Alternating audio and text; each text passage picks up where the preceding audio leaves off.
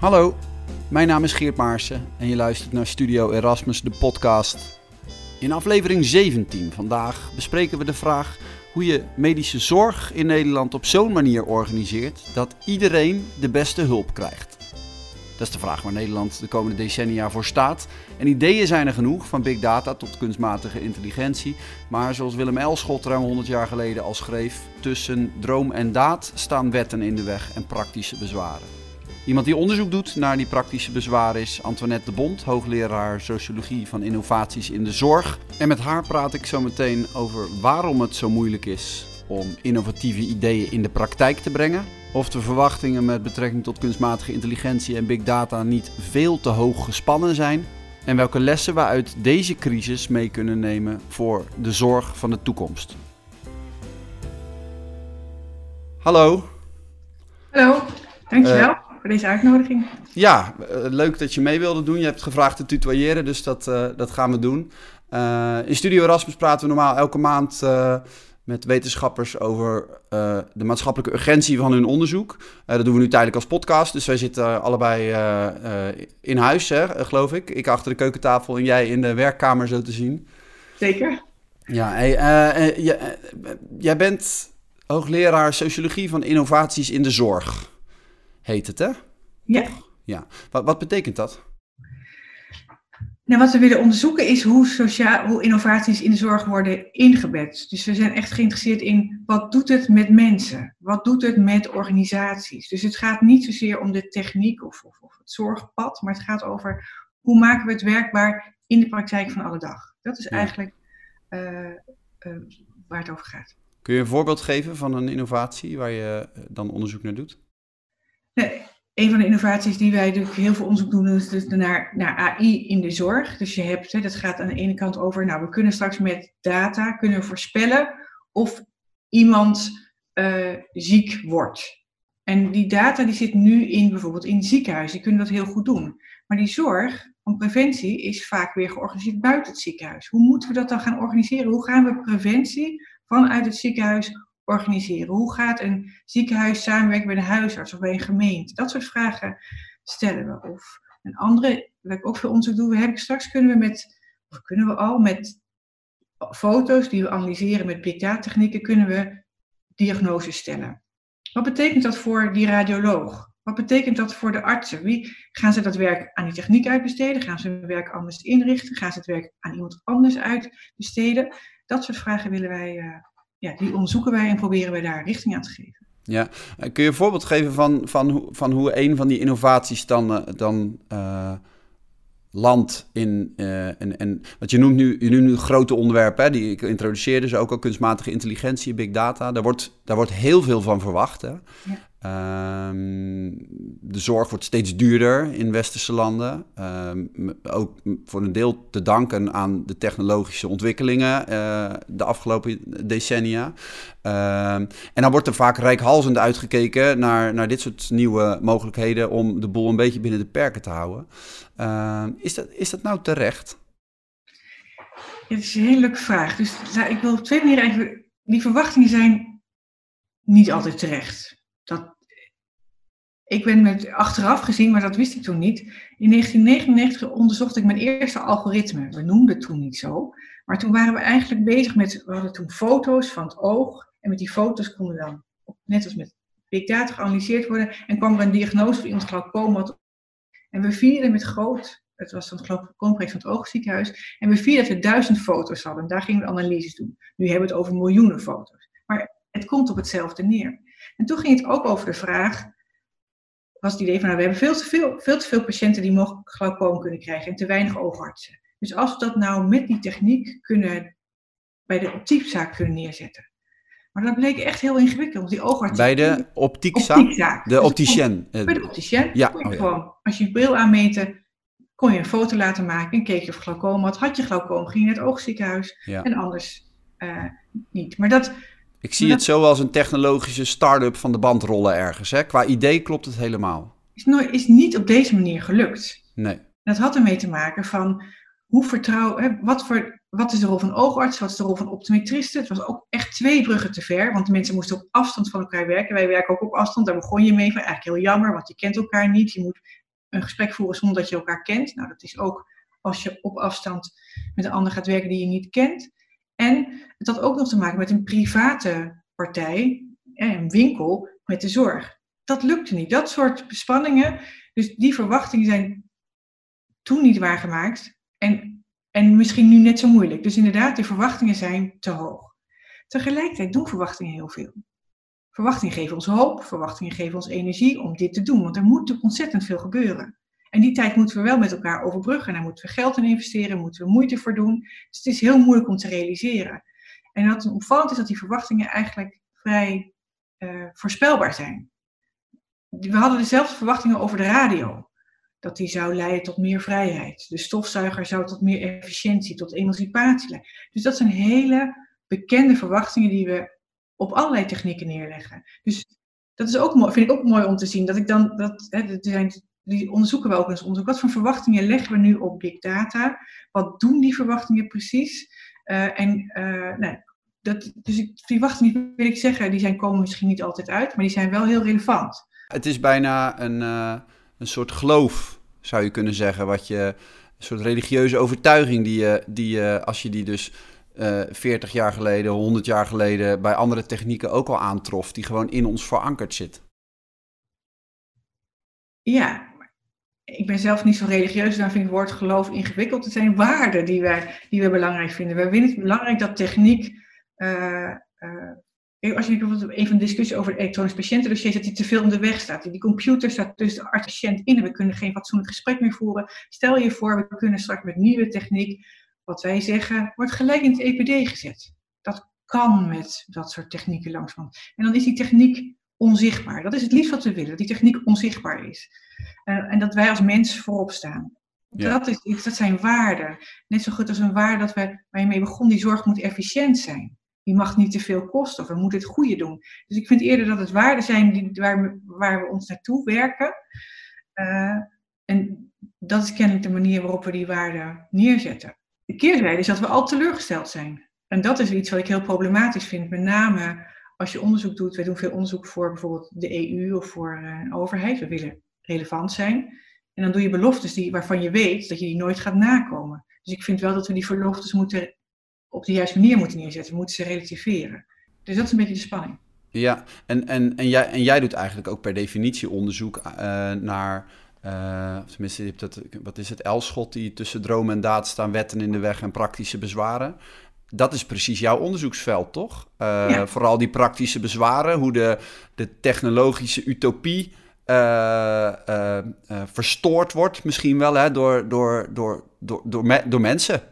Ja. en menselijk handelen en, en, ja. en interacties en, en tegenstrijdige behoeftes en, en verlangens. En, um, kun je uitleggen wat jouw want ik, ik noem, het heet dan sociologie van innovatie in de zorg. Kun je uitleggen wat jouw uh, methode is en jouw manier van, uh, van onderzoeken. Want die is anders dan dat je bijvoorbeeld gezondheidseconoom bent. Hè? Die, die zijn er ook zat binnen, binnen jouw vakgebied. Maar wat doe jij daarin anders?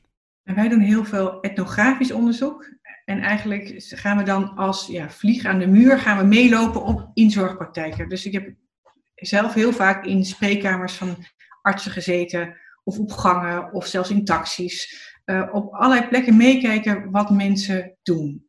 En dat is ons eigenlijk heel belangrijk. Van we willen, ik moet even een stapje terugzetten. Ik heb een achtergrond als wetenschapssocioloog en technieksocioloog. En in de jaren 60 was dat een, kwam dat op als een soort discipline tegen de wetenschapsfilosofie. De wetenschapsfilosofie onderzoekt wat, hoe wetenschap bedreven zou moeten worden. Dat is heel belangrijk, maar dat is wat anders dan hoe het daadwerkelijk gebeurt. Dus, dus je, je moet eigenlijk je, je, je bureau, je kamer, wat nu wat lastig is, verlaten en als wetenschapper moet je naar de praktijk toe. En dan moet je in die praktijk onderzoek doen. Uh, dat, dat zijn we gaan doen. En dat kwam samen met een ontwikkeling in de beleidswetenschappen. Van, uh, het gaat niet om de regels die we opleggen aan mensen, maar het gaat ook om de uitvoering van de regels. Zie je nu ook weer in de kranten terugkomen van, ja, geef de mensen ruimte om de regels goed uit te voeren. Kijk goed naar die uitvoering van de regels. De Belastingdienst, die discussie komt. Kijk nou goed over hoe het uitgevoerd kon worden. Dus die twee kwamen samen. En dat onderzoek, dat doen wij nog steeds heel veel. We gaan in de praktijk meelopen met mensen en dan kijken we uh, hoe het werkt. En dan, wel een van de methodologieën moeten lang genoeg zijn. moet uh, de juiste vragen stellen. Ik let heel vaak op humor. Op het moment dat grapjes worden gemaakt, denk ik, oké, nu word ik, word ik langzamerhand onzichtbaar en gaan mensen echt doen wat ze normaal doen. Dat is wat jij het liefste hebt. Dat je, dat je, dat je niet meer opgemerkt wordt als wetenschapper, maar dat, dat je het, het gedrag zoals dat in werkelijkheid ook plaatsvindt in, in een spreekkamer of in een behandelkamer, dat je dat observeert. En op een gegeven moment probeer je ook te interveneren om te kijken of, of je het goed begrepen hebt. Dus dan ga je proberen van, nou, stel je voor dat ik, wat zou nu passend gedrag zijn? Dat ga je proberen te doen om te kijken of dat klopt. Dus je probeert ook zelf kleine experimenten uit te voeren. Wat wij ook doen, en dat is een andere methodologische regel, we zeggen altijd wat mensen zeggen, wat mensen doen en wat mensen zeggen dat ze doen, zijn drie compleet verschillende dingen. Kun je een voorbeeld geven? Nou ja, als ik vertel, als ik bijvoorbeeld heel praktisch op, op wat ik op vakantie doe, dan kan ik, kan ik een mooi verhaal vertellen wat ik op vakantie doe, wat ik zeg, wat ik over vakantie.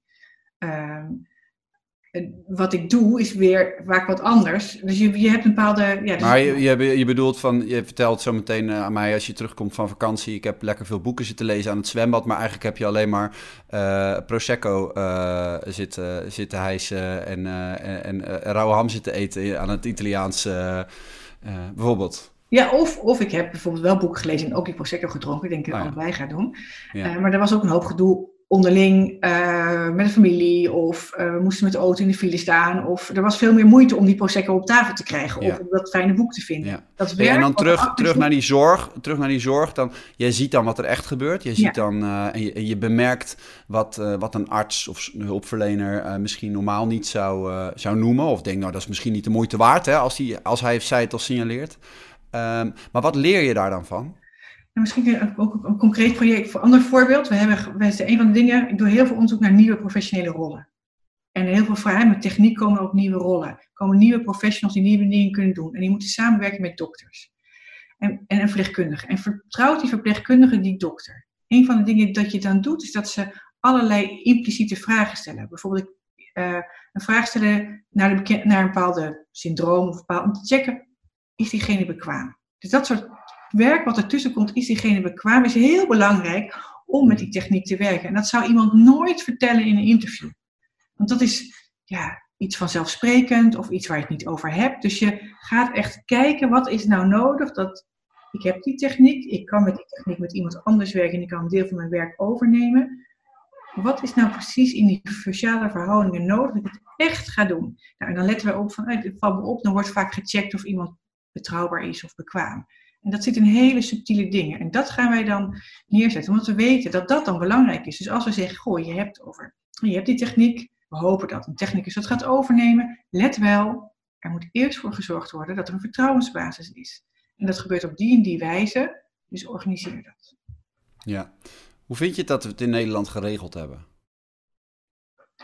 Nou, het Nederlandse zorgsysteem is in zekere zin een van de beste systemen in de wereld. Het is een ontzettend duur systeem, maar het is wel het is wel goed georganiseerd. Wat we ook zien, en dat is eigenlijk de keerzijde van de medische technologie en de medische kennis, is dat het complexer is geworden. Ik heb een Europees project gedaan. Ze hebben voor drie zorgparen gekeken. Welke professionals zijn nou verbonden? Wie doet nou wat? En dan heb je heel, zeker in Nederland, en daar zijn we echt uniek in, zomaar 20 professionals die zorgen voor de borstkankerzorg. Heb je als patiënt komen met 20 verschillende professionals die allemaal iets kunnen wat voor jou belangrijk is. Dat is wel heel complex.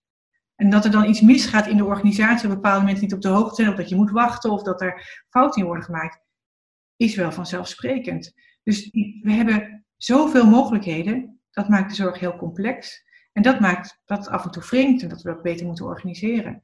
En daar zijn we eigenlijk vanaf 2000 echt heel erg veel mee aan de gang. Wij doen dat niet, maar dat, ja, dat is wel iets waar onze opgave voor staat. Wat opvallend voor de Nederlandse zorg is, is dat als je kijkt in andere landen, dan zijn we altijd nog innovatiever. We doen nog meer nieuwe technieken, nog meer projecten en vaak op kleine schaal. Dus wij, vergroten op een bepaalde manier die complexiteit heel erg. En daardoor zijn we heel uniek, maar daardoor ontstaan ook af en toe wel problemen. Ja, is er wat dat betreft een soort optimum uh, in, uh, in, in, op, op een soort as van uh, heel eenvoudig één arts die je helpt tot, tot het complexe web aan uh, hoogtechnologische uh, uh, en ingewikkeld georganiseerde zorg zoals we dat in Nederland hebben. Ik kan me namelijk voorstellen dat je op een gegeven moment dat, dat het, die complexiteit ook de kwaliteit van de zorg in de weg kan gaan staan. Ja. Kun je daar iets over zeggen? Ja, dat zie je dus steeds, steeds gebeuren. Dus ik geef even weer twee voorbeelden om het concreet te maken. We zagen dat die zorg, als je die zorg voor diabetes of voor CPD of voor astma goed organiseert met alle kennis, dan kan je een mooi zorgpad en dan geef je de optimale zorg voor die, voor die astmapatiënt of die diabetes. En dan ga je niet naar een verpleegkundige algemeen, maar iemand die gespecialiseerd is. Goed idee. Maar nu komen we erachter dat patiënten en diabetes en CPD en een depressie hebben. Dan moeten ze al die zorgpaden door. Dat wordt heel complex, zowel voor de patiënt als voor de zorg. En nou, dan denken we dat werkt niet. Dus dan gaan we inderdaad terug naar een optimum van laten we nou voor die patiënt een persoonlijk behandelplan maken, waar misschien die professional niet heel belangrijk is en die wel. Dus dat zie je elke keer die beweging. Hetzelfde krijg je met beroepen. We krijgen nieuwe technieken. Dan willen we iemand opleiden die het echt heel goed kan. Maar dan heb je heel veel technici en als zodra die techniek verdwijnt, is dat beroep weer weg. Dan denk je, nee, we moeten naar algemenere technische beroepen die dan daar inzetbaar en dan. Dus ja, er is een optimum, maar kennelijk gaan we eerst, moeten we dat nieuwe ontdekken, wordt het heel gespecialiseerd en moeten we daarna de complexiteit reduceren. Als we het nou hebben over die toekomst, hè, want ik vind het wel grappig dat jij zo eh, in 98, zei je, al met een soort uh, uh, algoritme avant la lettre bezig was. Um, wat, wat zijn nou de, de, komende jaren of decennia de belangrijkste vragen om uh, ons als samenleving over te buigen? Uh, met betrekking tot de zorg en, en, en waar, waar, ligt jouw interesse dan het meest? Is daar een goede vraag. Nee, dus die technologische ontwikkeling, dat is echt heel belangrijk. Dat is, we hadden in mijn oratie, en mijn vader was directeur van een ziekenhuis. En ik herinner me nog als kind, dat die hele grote technieken, en dat was eigenlijk een ziekenhuis, een fabriek. Daar stonden de grote apparaten, de MRI's, de, de, de computers. En daar moest je naartoe. Om, en daar werd ook de kennis verzameld. Nou, die, al die grote technieken, die computers zijn klein geworden. Nou, de MRI is nog steeds wel groot, maar dat wordt steeds kleiner. Dus die techniek wordt kleiner en die wordt ook goedkoper. Dus die kan naar huis. En dat is een hele interessante ontwikkeling. Want dan, uh, ja, en wat betekent dat? Dus dan wordt de zorg thuis verleend, uh, dan wordt zorg meer onderdeel van je leven. Je, het is nu ook met de COVID-crisis, kon je als patiënt een, een spreek, eh, naar de uh, beeld bellen met de dokters of bellen met dokters, en dan kon je gewoon thuis blijven, dan kon je je werk blijven doen. Dus die, die, dat dus patiënten in de lead gaan komen voor de zorg en dat het dus meer geïntegreerd wordt met ons gewone leven. Ook dat je niet één keer in drie maanden een op, eh, zeg maar onderzoek krijgen, maar dat al die data meegaan. Dat is wel een hele interessante ontwikkeling. Want dan wordt ja, ziek zijn meer onderdeel van thuis, van je hele leven. maar, spreek ik, maar spreek ik nu met de, de, de, de, de, de socioloog, de, de etnograaf die het realistische beeld optekent? Of spreek ik met de wetenschapper die droomt over een, uh, een, een ideaal wat over een aantal jaren zal gaan plaatsvinden? Want als ik namelijk een afspraak heb in het ziekenhuis dan heb ik niet het gevoel dat uh, ik op de patiënt, en ik denk dat velen dat met mij delen, centraal staat. Dan zegt iemand tegen mij: Meneer, u krijgt over een paar weken een brief en daar staat in hoe laat u zich weer voor de volgende afspraak mag melden. En daarmee. Uh, hè, snap je? De, de, de, de, dus daar, daar, daar zit een enige discrepantie uh, in. Ja, ik, noem het dan, ik denk dat het een beredeneerde droom is, laat ik dat zeggen. Dat ik dan denk dat er basis is om van die droom uit te gaan. Dus één is, het is nu technologisch mogelijk om data thuis te verzamelen. Dat was eerder niet mogelijk. Dus in die zin wordt het gewoon nu technisch mogelijk om dat te doen. Dat is denk ik een heel belangrijke voorwaarde. Twee is, je ziet nu ook in de kranten ontstaan dat het Nederlandse Zorgautoriteit uh, bijvoorbeeld zegt van hé, hey, die digitale zorg is heel goed voor patiënten. We willen daar wel met elkaar afspraken maken en we willen ook dat, uh, dat patiënten daar recht op hebben. Dus je ziet andere organisaties, regel, regel, organisaties met regelkracht, dit, dit oppakken. Dus er ontstaat uh, uh, dat we zeggen, we laten het niet aan de dokter van het ziekenhuis over. We willen als samenleving daar een, een, stem inbrengen. Dus dat zijn wel ontwikkelingen waarvan ik denk, daar moeten we, dat zijn wel hoop, hoopvolle ontwikkelingen. Ja. Um, dus ja, dat denk, dat denk ik wel. En, en, en ook, we hebben ook steeds meer de vraag van wie, van wie zijn die data? Zijn die van die grote bedrijven, van, van de grote bedrijven of zijn die van de patiënten? Dus je ziet steeds meer beweging daar naartoe. Tegelijkertijd denk ik, je hebt gelijk. Het is ook een droom die natuurlijk niet zo waargemaakt wordt als, het, als we hopen. Ehm, maar het is wel interessant. We, gaan, we hebben nu ook gezien dat thuis mensen thuis echt zorg krijgen, gemonitord worden. We zien dat die lichtuur steeds korter wordt. Dus er, er is wel iets te onderzoeken. Dus wij willen alleen maar dromen onderzoeken waar we echt in de praktijk kunnen meekijken. Anders doen we ja, Ja. Ik zou het leuk vinden om, om nog een paar dingen met je te bespreken. Eén daarvan is de, die, die ontwikkeling die je net al aanstipte. Uh, en de vraag die hoort bij, uh, de, de, de, bij, bij de big data discussie van wie zijn die data en, en, en hoe organiseer je dat als, uh, als land. Daarin hadden we een van de vorige keren met Klaus Heijnen ook over, hoogleraar recht en economie. Um, een, een andere vraag is, ehm, want van een iets andere orde. Uh, jij, kijkt, jij kijkt eigenlijk, je doet onderzoek naar, naar zorginnovatie, maar je kijkt eigenlijk naar, naar mensen en hoe mensen zich gedragen. Wat leer je daarvan? Van, van, wat is jouw mensbeeld wat daaruit uh, uit oprijst? Want je ziet, jij, jij schaduwt uh, allerlei soorten mensen. Hè? Uh, doktoren, verpleegkundigen, fysiotherapeuten, patiënten ook, toch? Uh, ja. Zie jij ook. Wat, wat, wat, wat, wat, doet dat met je als, uh, als mens om, om, ze, om ze zo te bestuderen? Nee. Daar heb ik nooit zo over nagedacht. Ik vind het een ontzettend leuke vraag. Dus ik ga heel even ik vind het soms ook ingewikkeld. Dat je, ik vind ik dat ontzettend leuk dat mensen je altijd toelaten. Dat vind ik echt eh, heel, ja, echt eh, bijzonder. Dat er zoveel mensen je toelaten om mee te kijken. Dus de wereld is heel open. Dus dat is mijn mensbeeld als allereerste. Dat mensen uh, willen dat je meekijkt.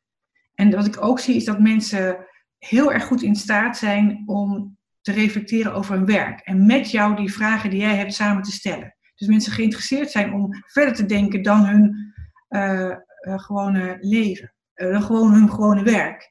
En wat ik ook mooi vind, is dat je veel mensen ziet die aan de ene kant dus een werkelijkheid moeten ophouden. dus je moet aan je bepaalde regels houden. En dat kan in de praktijk niet. En daar moet je mee tussen balanceren. En, dat men, en, en hoe, je daar, hoe open je daarover bent. Dat je, dit is wat, wat van je verwacht wordt. Dat zijn de regels. Maar dit is wat je daadwerkelijk doet. En hoe mensen daarover praten. En, en wat voor een beroepstrots daar uitspreekt, of wat voor frustratie daar uitspreekt. En het is ook wel een beetje hoe ouder je wordt, merk dan hoe meer de emoties je ziet, hoe meer je daardoor geraakt wordt. Dat zie ik wel. Ik doe nou een project uh, Zin in Zorg, het over jonge dokters die gewoon eigenlijk geen zin meer hebben. En, en, en die zijn zo bevlogen, zijn ze de zorg ingestapt en, en na vijf jaar hebben ze iets van, is dit het nou? Ik mag mezelf niet zijn, ik voel een, pro voel een product. Um, en, en dat kost zoveel moeite om later in je carrière dat voor elkaar te krijgen, om wel jezelf te zijn en daar je plek in te geven en je eigen stem aan te geven. Dat raakt me dan steeds meer. Ja, dus wat, wat bedoel je, wat, wat bedoel je hier nou mee? Welk, wat raakt je hier aan? Dat, we, dat mensen zich zo soms beklemd voelen in het systeem en de creativiteit die ze hebben om eruit te komen. Maar als je die aan het begin van je carrière hebt, voel je die vrijheid niet. En als je later in je carrière je die vrijheid wel. En ik gun het mensen om veel eerder in hun carrière de skills en de vrijheid te hebben om binnen de systemen waar je moet werken, je weg te vinden. Ja. Zelf te kunnen zijn. Ja, ja. Uh, ja want precies, ik vroeg je naar dat mensbeeld. Um, en dan, dan, dan, dan kom jij met een verhaal over hoe mensen open zijn en, en uh, enthousiast en bereid om, om te leren en te reflecteren en mensen te helpen. En tegelijkertijd is ook die, uh, die zorg is een, is een traditionele, uh, op een bepaalde manier, hele hiërarchische structuren vaak, met name in ziekenhuizen. Uh, met, met ook wel uh, de, wat, de wat minder plezierige kanten van de mens die je daar ontmoet, toch? Heb je dat als dwingend ervaren bijvoorbeeld, of heb je, dat, heb je die hiërarchie als... Ehm, ja, is dat een... Is dat een ik bedoel, het is ook wel iets wat, wat inherent is aan dat mens zijn. Hè? Dat de, mensen bepaalde groepen uh, insluiten of buitensluiten. Je boven iemand anders plaatsen. Uh, wat in ziekenhuizen veel gebeurt. Uh, op, de, op, de, werkvloer ook. Ja. even nog afgezien van de relatie die je als behandelaar naar een, naar een patiënt toe hebt. Waar ook wel een, een, een forse machtsongelijkheid in zit. Maar wat, hoe kijk je daarnaar? Nou, ik, als socioloog vind ik dat in zekere zin in is dat gewoon gegeven. Dat is gewoon in elke samenleving zo. En dat, en dat moet je ook onder, ja, wat ik dan probeer is bespreekbaar te maken. Om de mensen die in die underdog-positie uit te leggen, hey, zo werkt het. Dus Ik had een uh, project met noem dat, apotheker zonder drop. De apotheker die ging uit de apotheek naar de huisartspraktijk. Maar die huisarts vond die apotheker maar een pillendraaier. Die had, weet je, wat moet ik met die, huis, met die apotheker? En hoe krijg je als apotheker dan respect van die huisarts? En wij gingen dan gewoon observaties doen. Ga eens kijken wat die huisarts je vraagt. En wanneer krijg je het gevoel dat het werkt en wanneer niet. En toen bleek het bijvoorbeeld voor heel belangrijk te zijn dat je als apotheker rechtstreeks een antwoord kan geven naar de huisarts. Zo apothekers het liefst even een boek opzoeken. Dus we moesten die apothekers leren van als een huisarts je een vraag stelt, moet je niet zeggen ik ga het even opzoeken. Nee, hij, wil, hij of zij wil dat je nu antwoord geeft. En dat is wat van jou verwacht wordt om respect op te dwingen. Dus die hiërarchie was heel vervelend voor die apothekers in het begin dat is natuurlijk zo. Dat vonden we, en voor ons ook, want we wilden graag dat ze een plek kregen. Nou ja, dan gaan we nu aan het werk. Dus het is meer aan het werk gaan. En als onderzoeker heb ik natuurlijk ook wel af en toe tegen de hiërarchie opgelopen. En dat is af en toe niet prettig. Want wat gebeurde er dan? Nou, als je een bevinding doet die niet bevalt of die tegen de hiërarchie ingaat, of, dan krijg je. Dat maar kun je, kun je een concreet voorbeeld geven? Um, nou, bijvoorbeeld, we deden onderzoek naar naar dat algoritme in het oogziekenhuis. En toen lieten we zien waarom dat niet werkte. Nou, daar waren de, de projecteigenaren natuurlijk helemaal niet blij mee, want die wilden laten zien, we zijn een succes. Ja, toen kon ik wel op het matje komen, mevrouw de Bond, waarom doet u dit? En, en, en u zou toch onderzoek met ons doen en in de praktijk, en dan trekt u deze conclusie. Uh, en dan is het wel een stevig gesprek. Maar, en dat heb je vaker, maar dan voelen we wel iets dat we dan iets van toegevoegde waarde zijn. Als we alleen maar meebewegen ja, dan breng je ook niks nieuws. Dus af en toe hebben we altijd in ons onderzoek echt wel een conflict over wat is hier nu aan de hand. En dat conflict moet je aangaan. En dat is niet altijd prettig, maar tegelijkertijd is dat ja, dat is wel waar het ook om gaat. En dan is het natuurlijk altijd een hiërarchische verhouding. Ja, dan, daar moet je dan het lef hebben om daar gewoon doorheen te gaan en zeggen: nee, dit is mijn onderzoek, dit zijn mijn bevindingen, hier kom ik toe. Dan moet je gewoon blijven staan voor wat je hebt gedaan. Ja, hoe heb je de afgelopen maanden beleefd als uh, onderzoeker en, en, en betrokkenen bij, uh, bij de Nederlandse zorg? Turbulente tijd geweest? Ja, ik heb hier beleefd, in deze kamer. ik was wel, ik was onderwijsdirecteur, dus ik heb heel veel aan het onderwijs gedaan. En dat is ook voor heel veel onderzoekers gebeurd. Het was, en dat is denk goed om te realiseren. We waren allemaal met onderzoeken bezig, we hadden allemaal ambities. Toen kwam corona en we moesten zoveel investeren in online onderwijs, dat heel veel onderzoeken zijn stilgevallen. Dat is ook bij mij gebeurd. En uh, dat is ontzettend jammer, maar dit was ook wat nodig was. Vond ik ook mooi dat de universiteit alles heeft opgezet voor online onderwijs. Ik was nog wel betrokken bij de Spreekkamer 2030, maar op afstand. Want we doen een project waarbij we de nieuwe Spreekkamer proberen in te richten. Hoe ziet die Spreekkamer 2030 uit? Nou, dit was natuurlijk de ideale gelegenheid om te onderzoeken hoe dat gebeurde.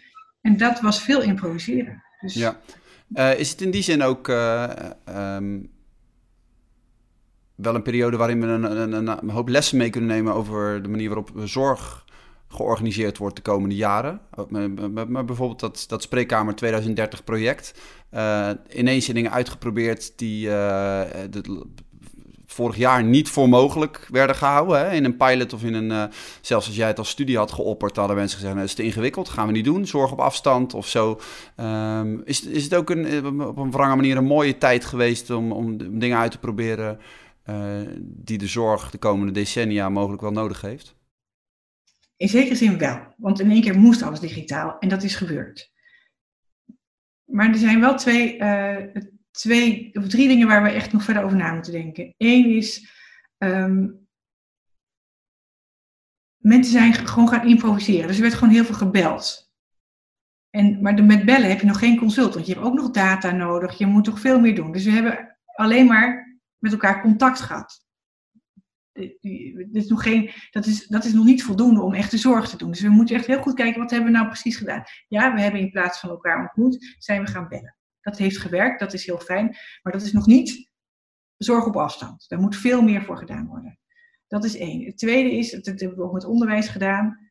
Wat we in de, wat we in de collegezaal deden, we in de spreekkamer doen, zijn we nu met Zoom of met uh, wat, wat we even gaan doen. Dat is nog geen online lesgeven, dat is nog geen digitale zorg. We hebben patiënten nog niet in de lead gezet om de zorg zelf te managen. En dat hebben we eerder gezien toen we in 2000 onderzoek deden naar het elektronisch patiëntendossier. Het elektronisch patiëntendossier, als je de zorg niet anders gaat organiseren, gaat het niet de waarde brengen die je gedacht heeft. Hetzelfde geldt met digitaal uh, zorg. Als we het op dezelfde manier gaan doen, gaat het niet de waarde leveren die we willen. Dus we moeten echt na gaan denken hoe we de zorg anders inrichten met het elektronisch, met, met het digitaal zeg maar niet de surf die we al deden. Dus dat is echt nog een hele uh, grote stap. Um, dus ja, er is heel veel gebeurd, maar er is heel veel geïmproviseerd. Dus het moet echt nog georganiseerd worden. Um, en we moeten echt durven na te denken, hoe kunnen we het nou anders doen? Dat is dat, en daar was geen tijd voor. Ik heb daar ook als onderzoeksdirecteur helemaal geen tijd, onderwijsdirecteur helemaal geen tijd voor gehad. Dus die tijd moeten we echt nog nemen. Ja. Uh, maar het zou zonde zijn als we die stap niet zetten. Ja, er is ook weinig tijd voor geweest uh, om, uh, of tenminste, ik geloof dat Mark Rutte zei, we varen op zicht. Uh, er was, wat ik wel interessant vind, aan de ene kant een hele grote rol voor de wetenschap de afgelopen maanden. met, met, met bijvoorbeeld virologen die, die bijna, bijna het, stuur van, het stuur in hand hadden van als het ging om waar, waar, waar, waar Nederland naartoe ging. En tegelijkertijd uh, heel weinig ruimte voor uh, academische reflectie, omdat het, uh, er was geen tijd. Er is nog steeds geen tijd. Ik geloof dat Hugo de Jonge ook zei over, zijn, of zijn, over de corona-app die geïntroduceerd gaat worden, als het goed is, de, deze zomer nog ergens. Van we hebben geen, er is geen ruimte om dat wetenschappelijk te toetsen of het werkt of niet, op zo'n manier aan opsporing werkt. Ehm, hoe sta jij daarin? Aan de ene kant mooi dat er zo snel dingen kunnen gebeuren en dat de wetenschap ook ruimte krijgt om mee te praten. En tegelijkertijd kun je niet doen wat je eigenlijk zou willen doen, namelijk uh, de boel grondig bestuderen, evalueren en daarover uh, um, verslag uitbrengen. Ik vind het een hele mooie vraag. Ik denk dat het ook terecht is dat de samenleving soms actie er was actie nodig. We moesten nu reageren. En ik zie ook in de krant dat heel veel van onze collega's die reflectie wel hebben gegeven. En daar is ook de discussie gekomen van hey, we kunnen het niet alleen over virologen hebben. We moeten ook een andere uh, commissie komen die meer naar de maatschappelijke impact kijkt. Waar Kim Putters in zit. En dat is ook een collega van ons van de universiteit. Dus die mensen zijn ook echt opgestaan. En waarom konden die mensen opstaan? Is omdat ze al jarenlang onderzoek deden naar sociale inclusie of naar ethiek of naar apps. Dus het is heel belangrijk dat die wetenschappers, en daar hadden we het in het begin over, dat zo'n wetenschapper iets doet waarvan je denkt, ja, het is misschien niet helemaal relevant, maar dat hij wel klaar staat op het moment dat er om gevraagd wordt. Je weet nooit wanneer die expertise ineens van pas komt. Ja, dus, het was, en, dus dat is ook gebeurd. Hè. In het begin moest even, dat snap ik ook, in het begin heb je zo'n crisis, moet, even, moet snel gehandeld worden. Dat moet ook. En toen zijn gelijk mensen gaan, ook wetenschappers, gaan morrelen van wie zit daar aan tafel? Welke waarden worden hier gewogen? Mogen die waarden zo geworden? Juristen zijn gekomen van, het mag volgens de grondwet niet. Of, dus die, die kritische stem heeft de wetenschap volgens mij echt, echt wel ingebracht. En die hebben uiteindelijk ook effect gehad. Uh, dus het zou naïef zijn, een beetje ouderwets om te zeggen, laten we ons nog even vier jaar daarover broeden en dan komen we dan wel met een antwoord. Ja. Dat heeft geen zin. Ja. Dus je moet dan maar het lef hebben om dan met de kennis die je hebt, die reflectie te starten. Ja, als ik jou mag vragen uh, om kritisch te reflecteren op de manier waarop we nu met, uh, met, met hoe, die, hoe die technologische revolutie eigenlijk in een stroomversnelling raakt. Van een corona-app tot corona-melder gaat die geloof ik heten. De corona-app tot, uh, tot de manier waarop we ineens online van alles zijn gaan doen. En, en de onderliggende vraag, welke machtsstructuren daar, daaronder zitten, wie eigenaar is van die data. Belangrijke vragen ook in jouw onderzoek, denk ik, die terugkeren. Um, wat vind jij dat de afwegingen daarin uh, moeten zijn de komende jaren? Ik denk dat we die. Um, één zegt, uh, die zegt een hele snelle technologische ontwikkeling. Ik wil het eerst relativeren. Ik wil dan eerst op de praktijk. Wat gebeurt er nou precies? Dus laten we alsjeblieft mee gaan kijken. Uh, een van de plannen is om zo'n app in de, op de universiteit, op de campus te gaan gebruiken. Om mee te gaan kijken wat gebeurt hier nu precies. Dus ik zou altijd eerst zeggen, laten we alsjeblieft proberen te kijken wat gebeurt er nu precies. En en, en, en wat voor machtsverhoudingen worden nu echt gegeven. Niet gelijk dat we van extern op gaan leggen, maar gewoon echt gaan kijken wat er precies gebeurt. En dan vrees ik dat ook dat gebruik van die app wel weer zal tegenvallen. Dat dat op andere manieren we ook moeten gaan opzoeken of mensen besmet zijn. Dat nog steeds aan mensen blijven vragen, alsjeblieft, als je ziek bent, blijf thuis. Dus dat die, die sociale verhoudingen die bepalen dat we veilig zijn, net zo belangrijk zijn dan die app. Dus ik geloof er als ik kritisch ben, geloof ik niet dat die technologie enorme veranderingen gaat brengen. En dat dus echt nog steeds hoe we nu met elkaar zijn omgegaan en ons sociaal contact net zo belangrijk is als die technologie. Is één. Twee is, ik wil dan, of met ons, gaan kijken wat gebeurt er nou echt. En dat, dat snel, en ik denk ook dat we kunnen er niet jaren over doen, snel reflecteren en dat weer terugkoppelen. Voelen mensen zich beklemd of niet? En daar ja, met de juiste, en dat is denk ik ook wat de Erasmus Universiteit zo goed in is, dat we niet alleen maar onderzoek doen naar burgers en dokters, maar we doen het ook met overheden, doen het ook met inspecties, zitten met hen aan tafel. En samen moeten we dat vormgeven, hoe we hier inderdaad die surveillance gaan vormgeven. Ja, je, uh, nog geen vrees begrijp ik dat we uh, in handen vallen van grote techbedrijven uh, die ons volledig gaan uitmelken de komende decennia. Om eens even het dystopische verhaal erbij te slepen, wat je vaak hoort met betrekking tot big data, kunstmatige intelligentie en, en de privacy discussie die daaraan raakt.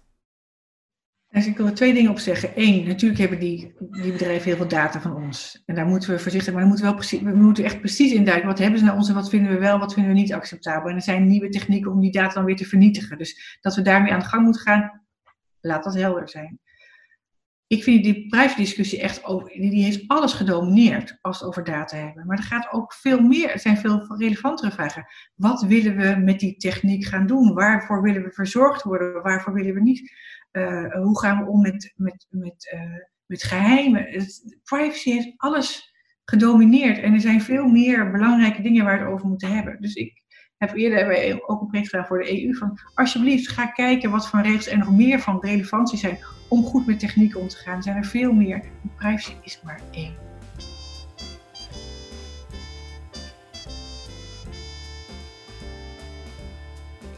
Je luisterde naar Studio Erasmus, de podcast.